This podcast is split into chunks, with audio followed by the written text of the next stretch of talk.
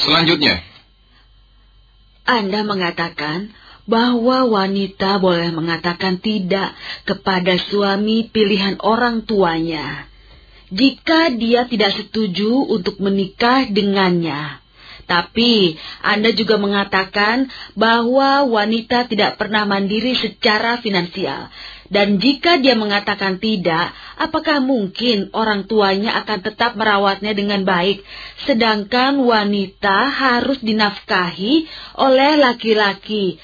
Saya ingin mengetahui Bagaimana jawaban Anda mengenai masalah ini? Karena menurut saya ini patut dipertanyakan. Ini sangat penting bagi kaum wanita agar kaum wanita bisa menentukan bagaimana sikapnya nanti. Atas jawabannya saya ucapkan terima kasih. Uh, maaf Nyonya, bisakah Anda mempersingkat pertanyaan Anda supaya dokter Zakir Naik bisa memberikan jawaban atas pertanyaan Anda sesuai dengan topik dan pembahasan kita kali ini. Jadi Nyonya tolong Anda singkat saja memberikan pertanyaan. Uh, maksudnya begini, apa wanita boleh mengatakan tidak pada pria yang tidak disetujui menikah dengannya? Tetapi apakah setelah itu dia tetap dapat bertahan hidup karena tidak mempunyai kemandirian secara finansial? Terima kasih. Pertanyaan yang sangat bagus. Saya jelaskan, seorang wanita boleh mengatakan tidak pada pria yang tidak disukainya. Tetapi apakah setelah itu dia tetap dapat bertahan hidup karena tidak mempunyai kemandirian finansial? Saya telah katakan bahwa sebelum seorang wanita menikah, maka merupakan kewajiban ayahnya atau saudara laki-lakinya untuk menafkahinya.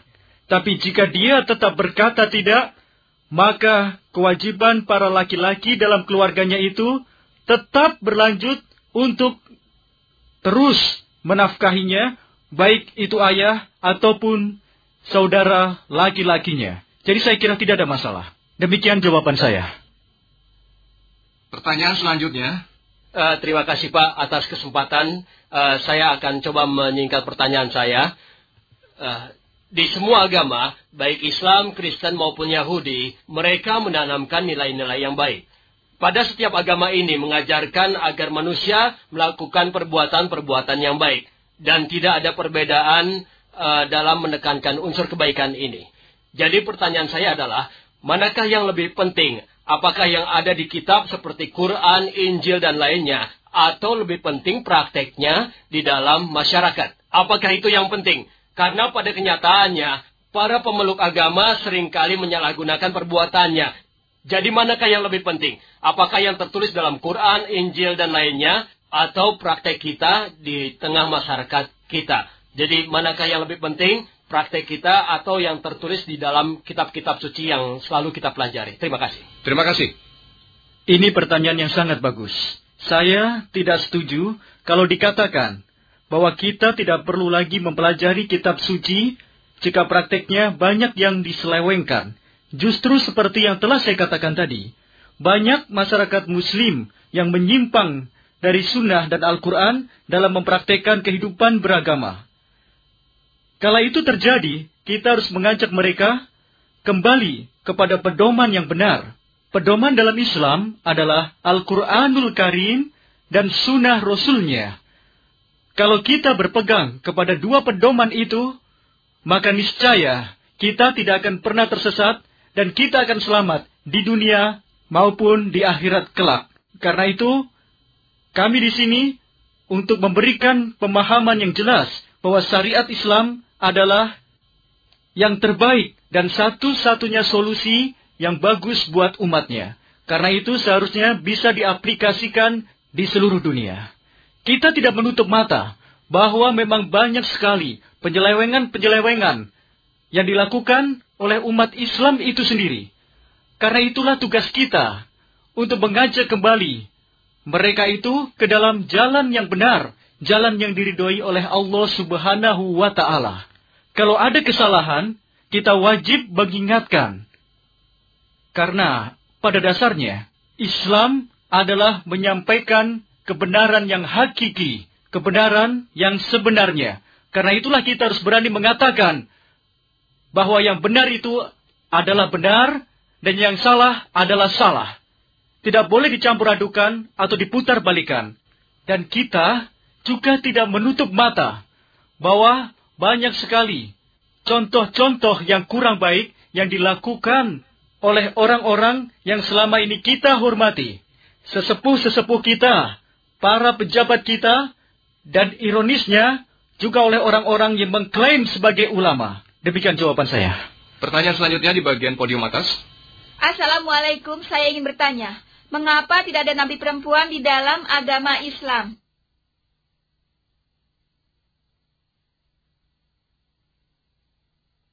Terima kasih atas pertanyaannya. Jika yang Anda maksudkan sebagai nabi adalah penyampai ajaran agama, saya kira hal itu adalah benar adanya. Karena pertama, sebagaimana dikatakan bahwa pria adalah pemimpin dalam rumah tangga. Lalu bagaimana mungkin seorang wanita memimpin masyarakat sebagai nabi? Selain itu, nabi harus memimpin umat. Apalagi dia juga harus menjadi imam solat. Sedangkan dalam solat ada ruku dan sujud. Bagaimana jadinya? Jika nabi itu wanita, menjadi imam solat, sementara di belakangnya adalah para laki-laki. Tentu semuanya akan merasa tidak nyaman. Selain itu, sebagai wanita, dia akan mengalami masa kehamilan. Jadi siapakah yang dapat menggantikan tugasnya sebagai nabi dalam beberapa bulan saat dia beristirahat karena kehamilannya tersebut? Nabi juga harus sering berhubungan, sering berinteraksi dengan banyak orang. Sedangkan Islam melarang percampuran antara seorang pria dan seorang wanita. Selain itu, seperti yang telah saya katakan, pria adalah kepala keluarga dan apabila juga sebagai nabi akan lebih mudah melakukan tugasnya daripada wanita yang selain sebagai ibu dalam rumah tangga juga merangkap sebagai nabi. Tetapi jika yang Anda maksudkan sebagai nabi adalah orang terpilih yang suci, ada beberapa contoh wanita yang seperti itu. Siti Maryam misalnya, seperti yang dijelaskan dalam surat Al-Imran ayat 42. Wa idh qalatil malaikatu ya Maryamu inna allaha astofaki wa toharoki wastofaki ala nisa'il alamin. Yang artinya, dan ingatlah ketika malaikat Jibril berkata, Hai Maryam, Sesungguhnya Allah telah memilih kamu, mensucikan kamu, dan melebihkan kamu atas segala wanita di dunia yang semasa kamu. Di situ dijelaskan bahwa Maryam adalah wanita suci, wanita terpilih. Dalam surat At-Tahrim pada ayat 11 yang artinya dan Allah membuat istri Fir'aun perumpamaan bagi orang orang yang beriman. Ketika dia berkata, Ya Tuhanku, bangunlah untukku sebuah rumah di sisimu dalam surga dan selamatkanlah aku dari Fir'aun dan juga selamatkanlah aku dari kaum-kaum yang zalim. Di sini disebutkan, istri Fir'aun merupakan salah satu wanita yang solehah. Ada banyak wanita yang bisa dijadikan contoh, bisa dijadikan suri tauladan bagi kita semua. Selain istri Fir'aun, juga Siti Fatimah, Siti Khotijah, Siti Maryam, dan yang lainnya. Demikian jawaban saya. Um, ada beberapa orang yang ingin bertanya. Tapi bila mereka malu untuk menanyakan pertanyaan-pertanyaan itu, um, bisakah mereka uh, diwakilkan oleh satu orang yang ditunjuk oleh mereka untuk bertanya?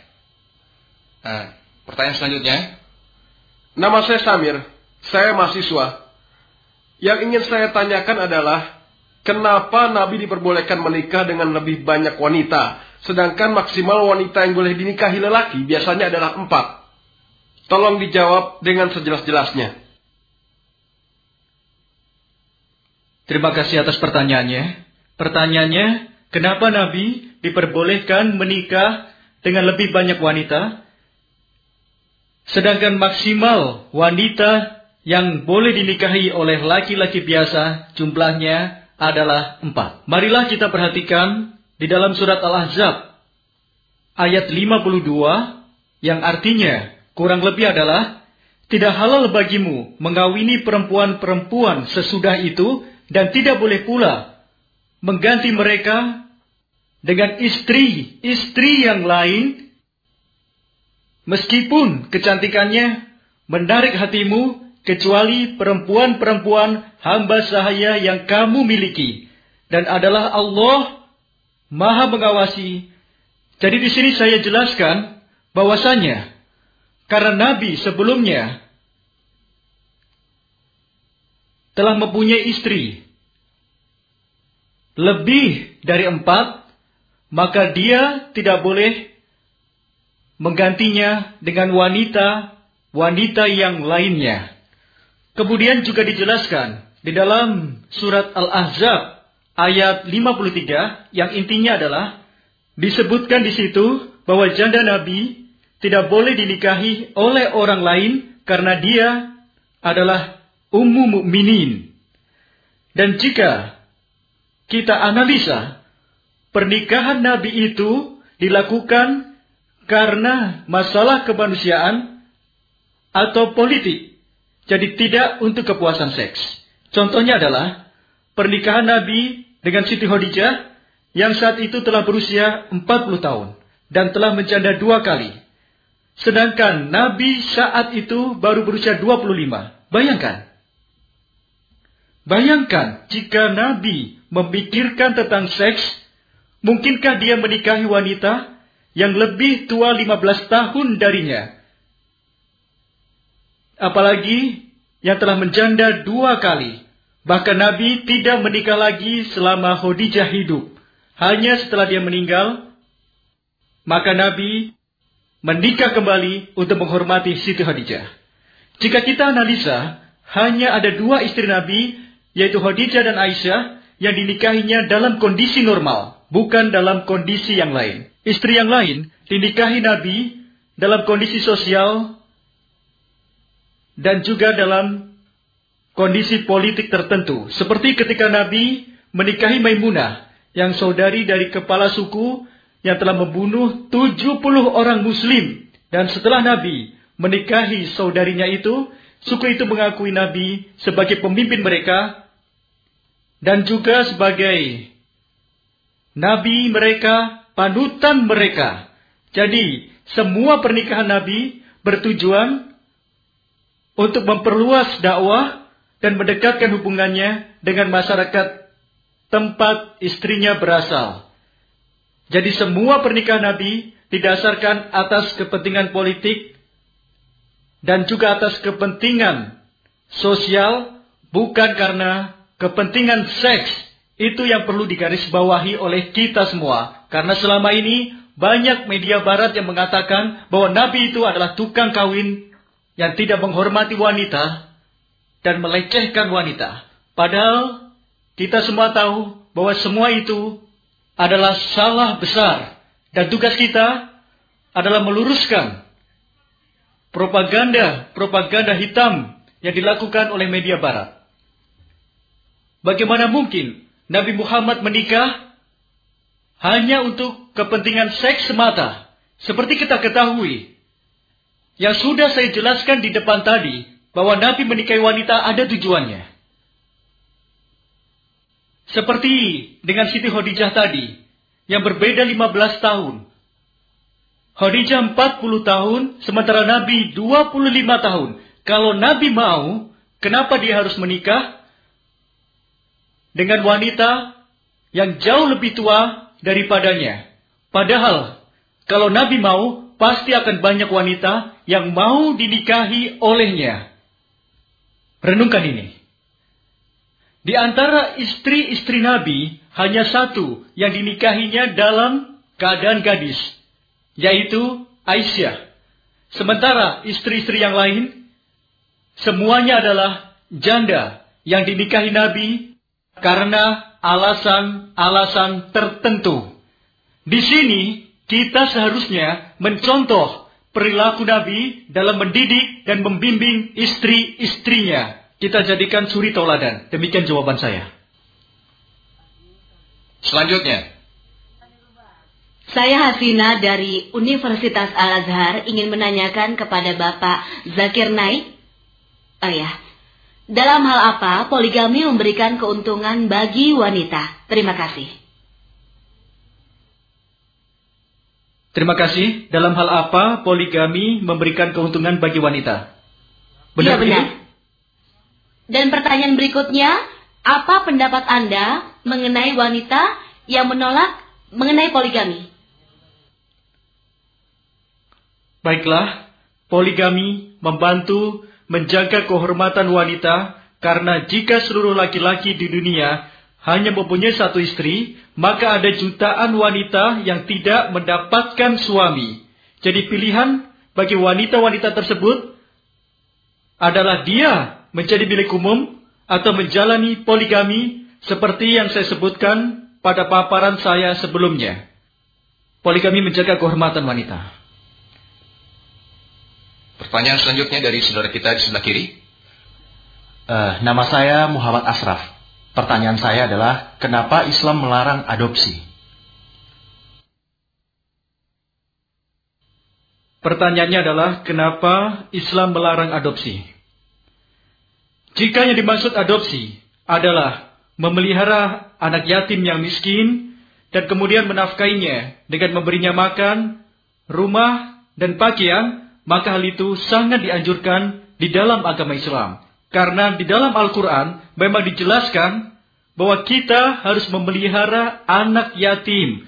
Dan juga di harta kita itu ada sebagian hak untuk anak yatim. Yang dilarang adalah adopsi secara, secara legal. Karena jika itu dilakukan akan menimbulkan kerumitan. Yang pertama, jika kemudian Anda mempunyai anak sendiri, Anda akan lebih menyayangi anak Anda sendiri. Yang kedua, jika anak itu besar dan dia perempuan, harus ada hijab antara dia dan dengan ayah angkatnya. Jika anak itu laki-laki dan menikah, harus ada hijab antara istrinya dan ayah angkatnya. Yang ketiga, jika dia anak perempuan dan ingin menikah, ayah angkatnya tidak dapat menikahkannya karena bukan ayah kandungnya. Kemudian kerumitan juga akan timbul dalam pembagian warisan. Karena Islam tidak memperbolehkan pembagian warisan selain seperti yang diatur dalam kitab suci Al-Quranul Karim.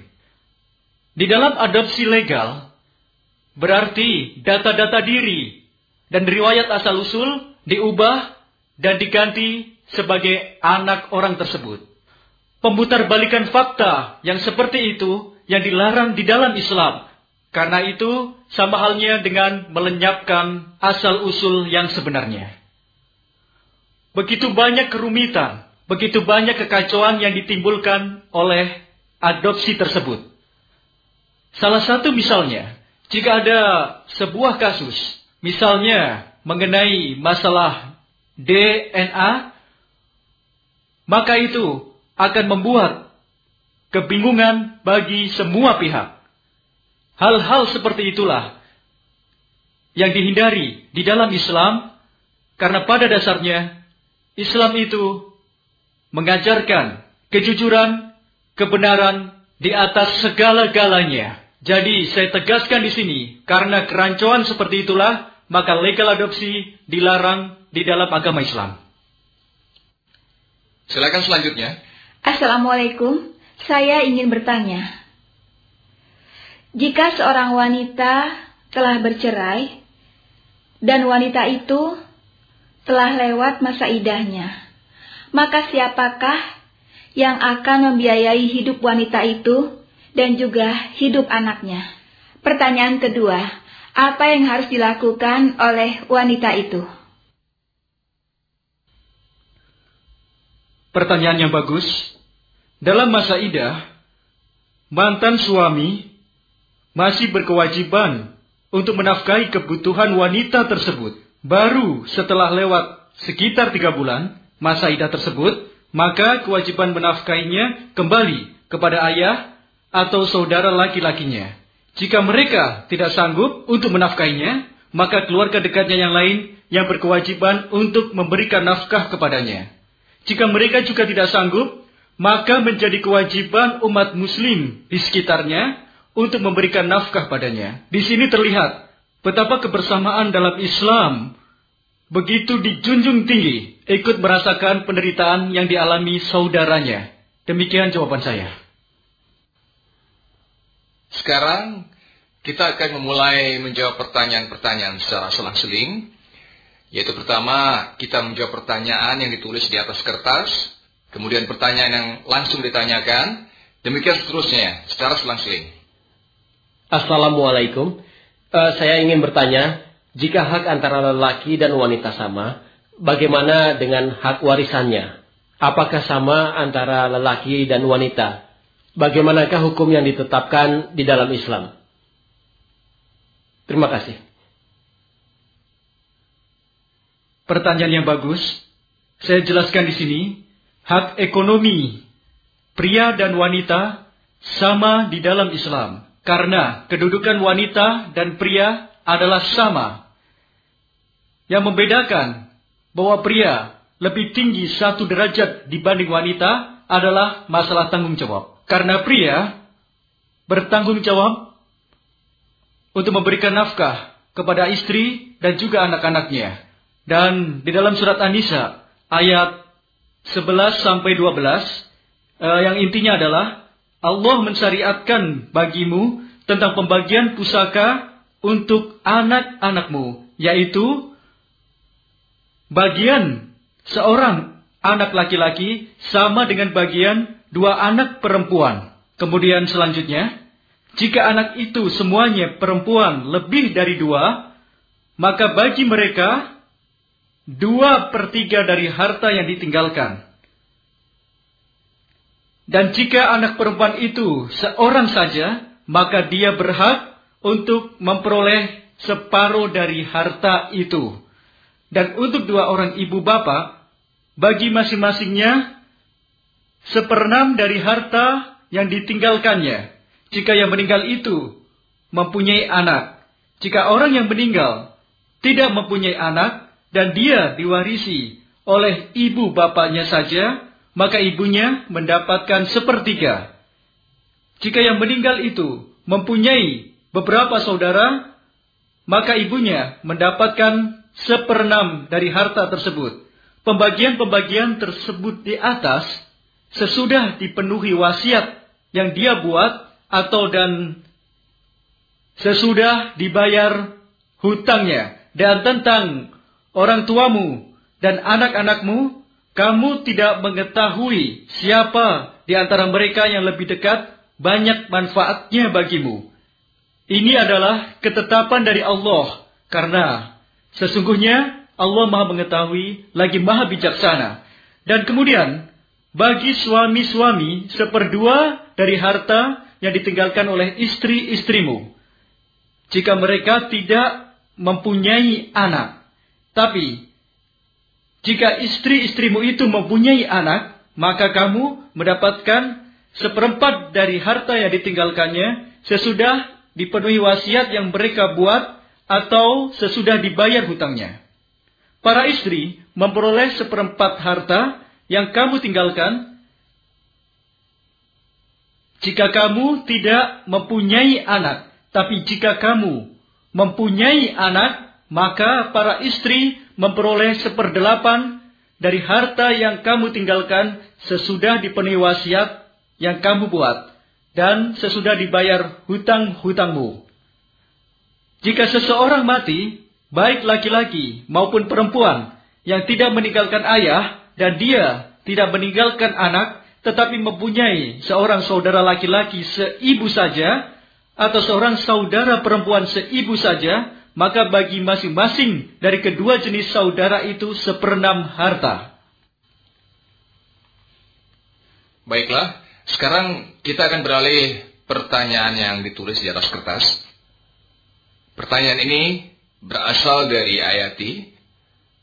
Dan pertanyaannya adalah, mengapa Islam tidak mengizinkan percampuran antara pria dan wanita?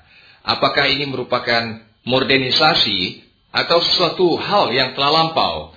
Dan pertanyaan yang berkaitan adalah, kenapa pramugari dilarang? Padahal gajinya sangat tinggi dan merupakan pekerjaan yang terhormat. Terima kasih atas pertanyaannya. Jika Anda bilang bahwa hak yang diberikan pada wanita untuk bebas bergaul seperti yang diberikan oleh Barat, maka berarti Islam ketinggalan zaman di dalam hal itu. Padahal yang sebenarnya justru Baratlah yang merendahkan wanita dengan memberikan kebebasan yang tidak ada batas seperti itu. Karena justru dengan kebebasan yang seperti itu, telah banyak terjadi pelecehan seksual, bahkan pemerkosaan. Tahukah Anda bahwa 50% dari wanita Amerika yang bekerja itu diperkosa? Ingat, 50%. Kenapa? Karena biasanya pekerjaan yang dilakukan bercampur antara laki-laki dan perempuan. Jika dalam hal yang seperti itu, saya kira Islam paling modern dengan melarang pria dan wanita bercampur dalam pergaulannya.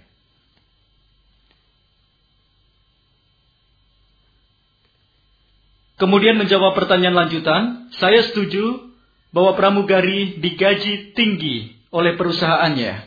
Tetapi kenapa mereka bisa dipilih menjadi pramugari? Karena untuk menarik perhatian. Tidak ada pramugari yang jelek. Di samping itu, kebanyakan pakaian mereka juga menyalahi perintah agama. Mereka memakai rok yang sangat pendek. Di samping itu, mereka akan terus berdekatan dengan penumpang.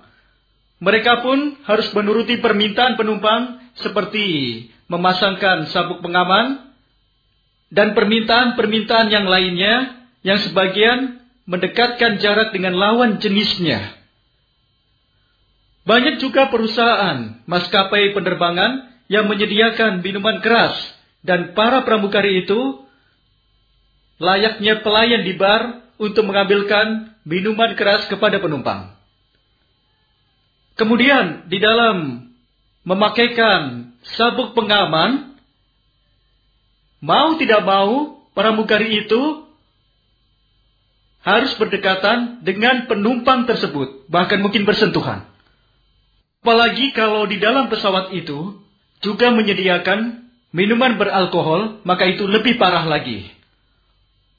Pramugari itu mengambilkan minuman keras untuk penumpang. Kalau sudah begitu, apa bedanya dengan hostess yang ada di bar? Saya tidak habis pikir. Tidak ada bedanya. Sama saja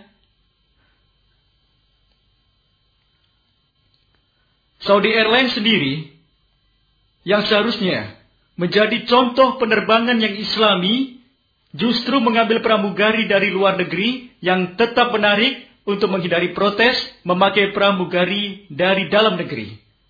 Ini sungguh standar ganda yang membingungkan masyarakat banyak. Lalu apa lagi ini? Peraturan seenaknya. Kemudian, banyak maskapai penerbangan yang mempunyai peraturan ketat yang dimaksudkan untuk meningkatkan profesionalisme kerja. Bahwa pramugari tidak boleh menikah selama empat tahun pertama tugasnya. Dan jika hamil, dia akan langsung dipecat dari pekerjaannya itu.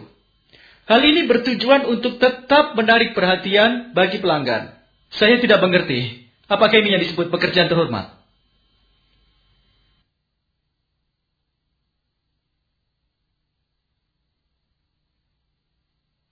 Pertanyaan selanjutnya silakan. Saya ucapkan terima kasih atas kesempatan yang telah diberikan kepada saya. E, pertanyaan yang akan saya ajukan pada kesempatan kali ini adalah sebagai berikut. Apakah ada badan yang dapat mengurusi pembatalan perkawinan karena seperti yang Anda katakan, wanita yang tidak setuju untuk menikah dapat membatalkan perkawinannya. Saya sangat berharap Anda bisa menjawab atas pertanyaan dari saya dan saya ucapkan banyak terima kasih atas jawabannya. Terima kasih atas pertanyaannya. Badan semacam itu sudah ada di Iran. Tapi sayangnya di negara kita, di India ini, belum ada peraturan yang membolehkan berdirinya badan seperti itu.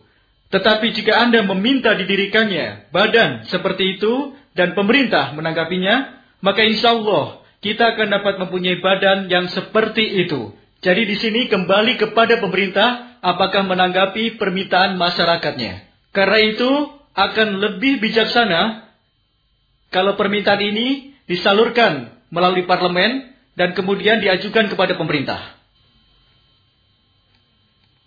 Pertanyaan selanjutnya, apakah koedukasi dibolehkan dalam agama Islam?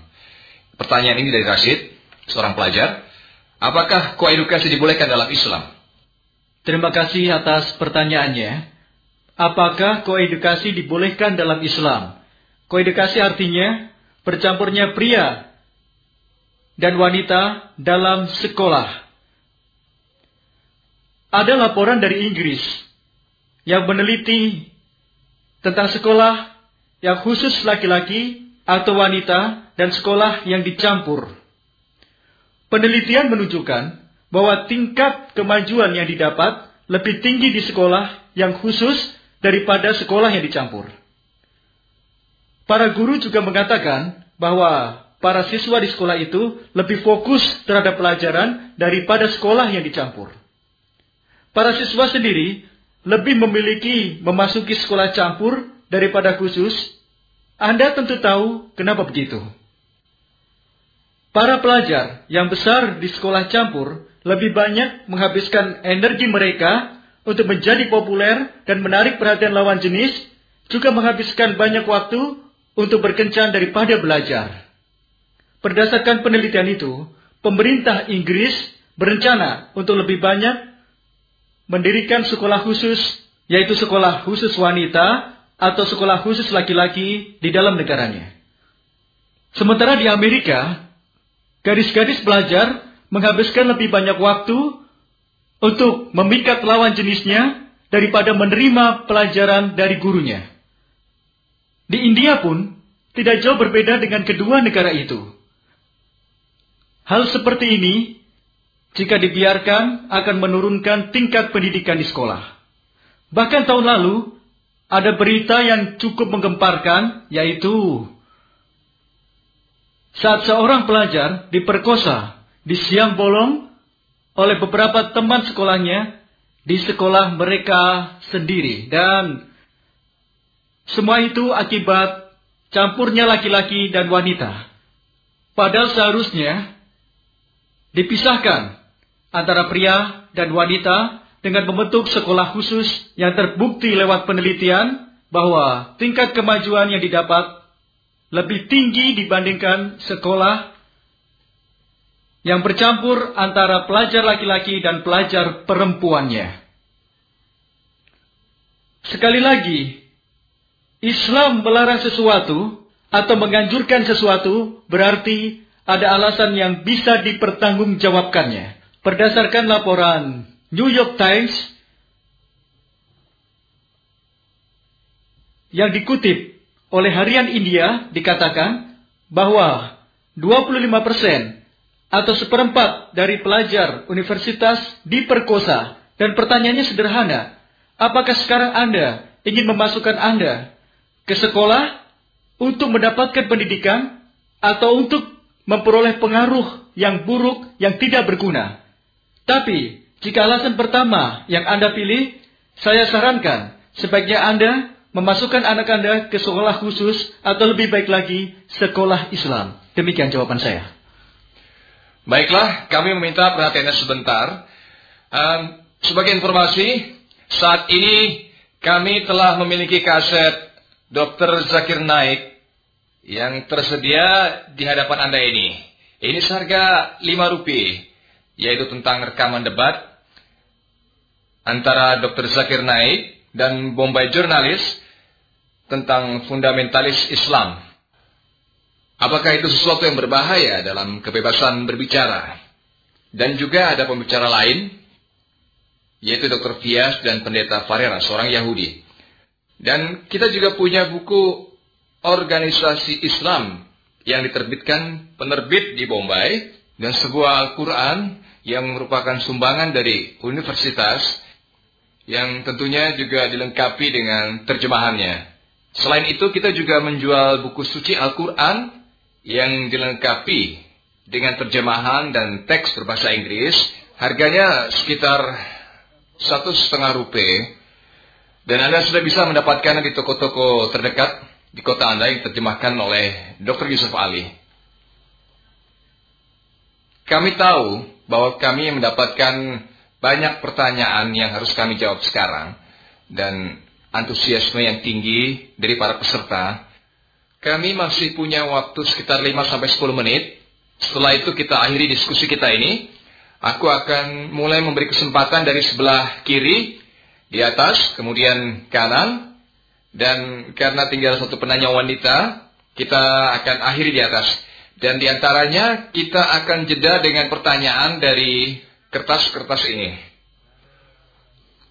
Bagi siapa saja yang tertarik untuk menanyakannya tentang sesuatu hal atau hal-hal lain mengenai persoalan Islam, saya ingin memberitahukan Anda, Anda bisa datang ke tempat diskusi kami dan di sana Anda bisa bertanya dan memperoleh jawaban pada hari Jumat jam 2.45 untuk wanita dan setiap Sabtu 2.45 untuk umum dan Minggu pada jam 10.45 untuk umum, baik itu muslim ataupun non-muslim. Semuanya boleh. Juga dipersilakan datang para kritisi dan para ahli untuk membicarakan tentang Islam dengan nilai-nilai yang terkandung di dalamnya. Di sana kita bisa berdiskusi dan jika Anda merasa menjadi lebih baik melalui diskusi-diskusi ini, kami merasa bahagia bisa melakukannya.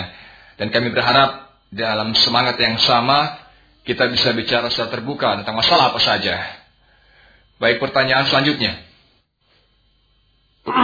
Dokter Naik, pertanyaanku, eh, pada saat ini berapakah jumlah orang yang dapat menginterpretasikan Al-Quran dan hadis? Aku telah memperhatikan pembicaraan Anda dari awal bahwa tidak banyak orang yang bisa menginterpretasikan. Jadi pertanyaanku adalah begini. Berapa persentase jumlah wanita dan intelektual muslimah yang dapat menginterpretasikan hadis dan Al-Quran di zaman sekarang ini? Uh, maksudku zaman modern seperti ini. Aku mohon jawab pertanyaanku dengan jelas. Lalu berapa persentasinya? Dan hal lain yang ingin kutanyakan, pertanyaan ini dari Taslimah yang tinggal di daerah Bengal. Sayang saat ini dia tidak bisa datang. Dia menanyakan tentang persoalannya. Karena itu saya wakilkan. Saya langsung datang dari Pakistan. Datang ke tempat ini. Uh, apa? Baiklah. Tolong pada baiklah. persoalannya saja. Saya akan persingkat kita tidak pertanyaan saya. Langsung pada topik ya, ya, pembicaraannya. Iya, ya, saya mengerti. Saya akan bersihkan pertanyaan banyak, ini. Pak. Sebentar. Masih ada dua iya, pertanyaan iya. lagi. Saya mengerti. Ya, sebentar. Uh, sebentar. Ya, ya. Saya akan sebutkan sebentar saja. Uh, begini.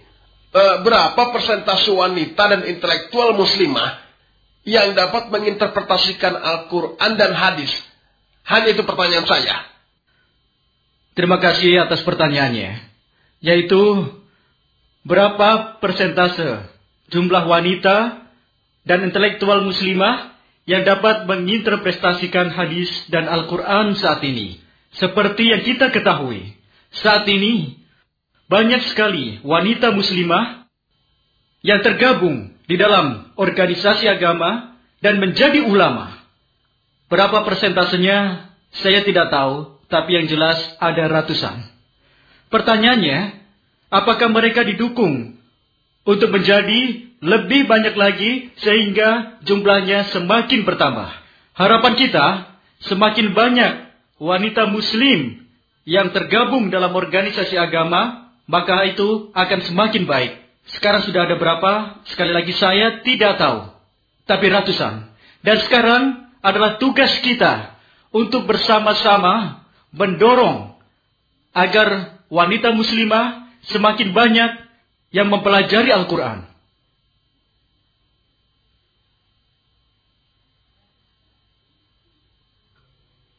Mohon perhatiannya saudara-saudara, eh, kaset ini adalah debat yang diadakan oleh Bombay jurnalis antara saya dengan Dr. Fias.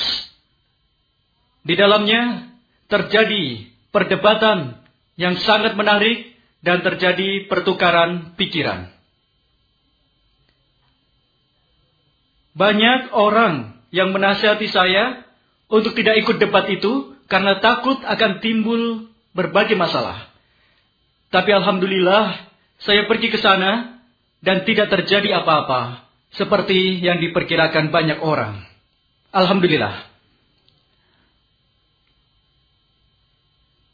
Sekali lagi alhamdulillah karena debat itu sangat sukses.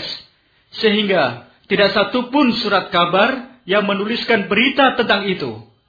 Tidak ada satu pun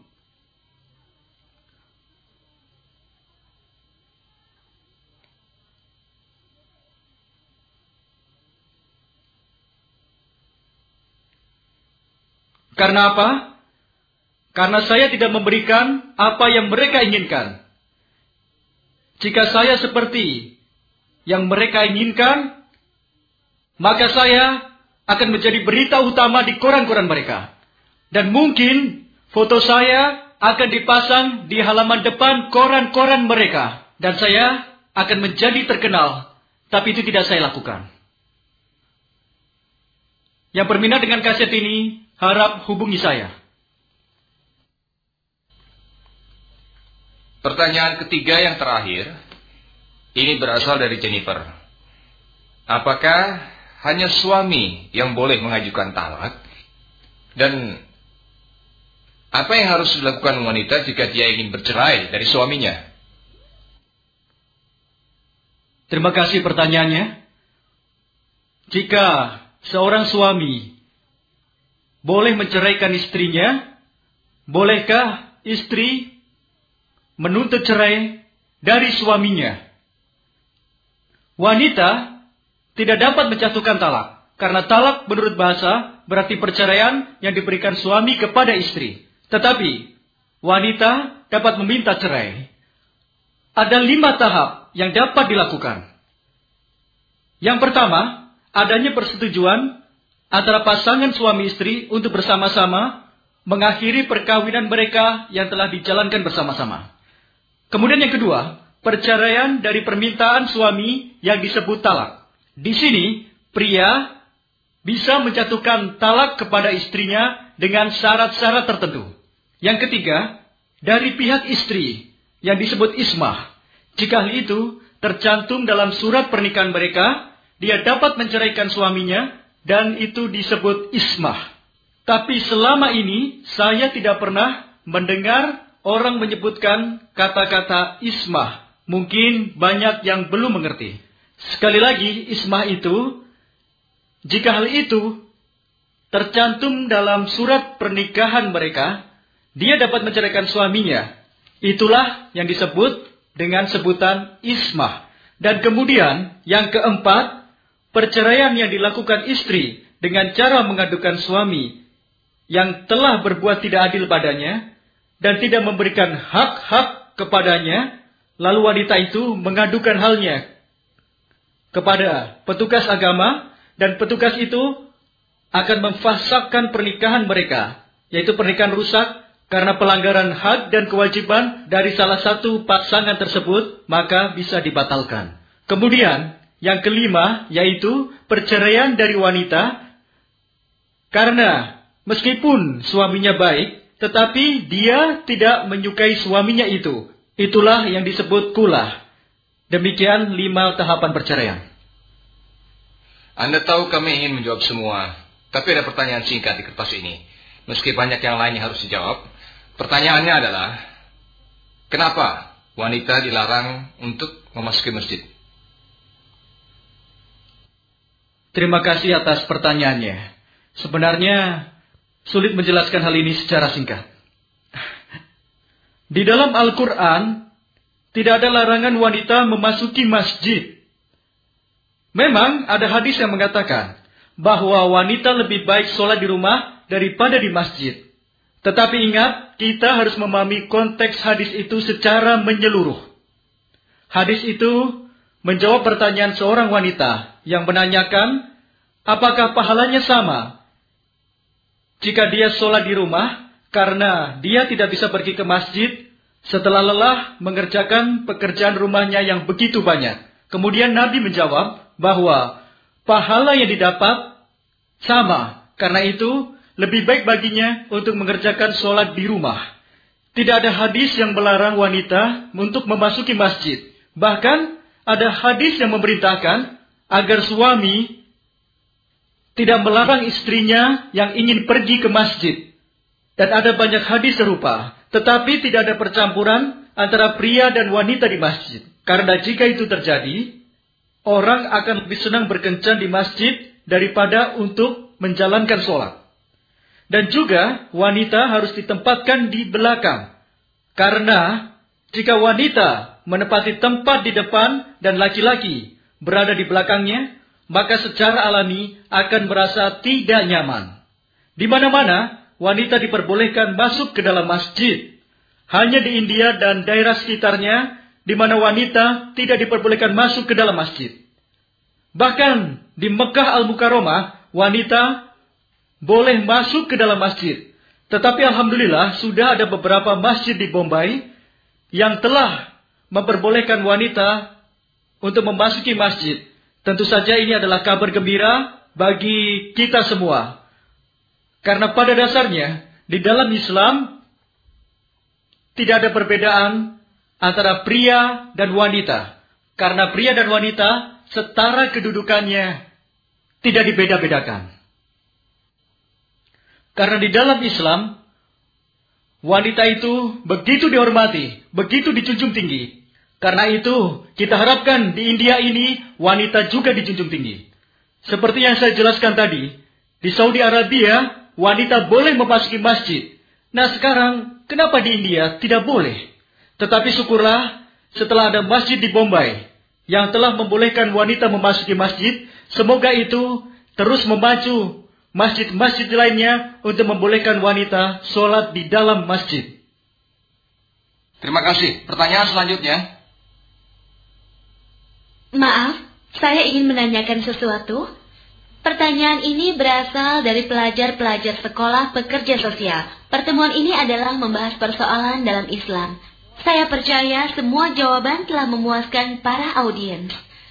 Sepanjang hal itu menyangkut praktek, dan sepanjang hal itu bisa menjelaskan dan bisa menjawab argumentasi-argumentasi secara jelas. Maaf, bisakah Anda langsung ke pokok persoalannya? Pertanyaan tersebut adalah... Tolong langsung saja, karena waktu kita tidak banyak. Waktu Pertanyaan ini ditujukan kepada Yayasan Sumber Agama.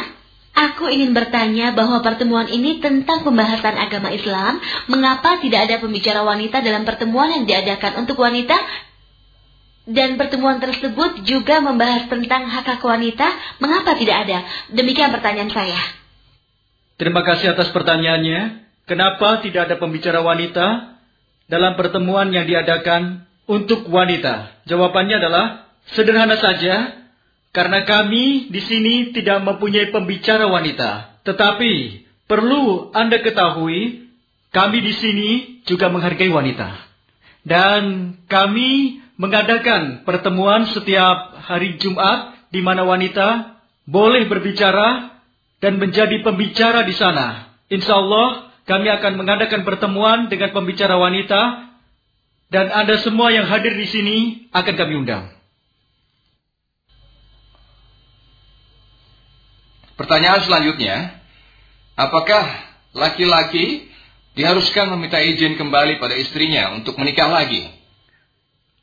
Terima kasih atas pertanyaannya dan jawabannya adalah tidak karena suami tidak memerlukan izin istri untuk menikah lagi karena syarat suami untuk boleh menikah lagi sudah jelas yaitu dia bisa memberikan keadilan di antara istri-istrinya.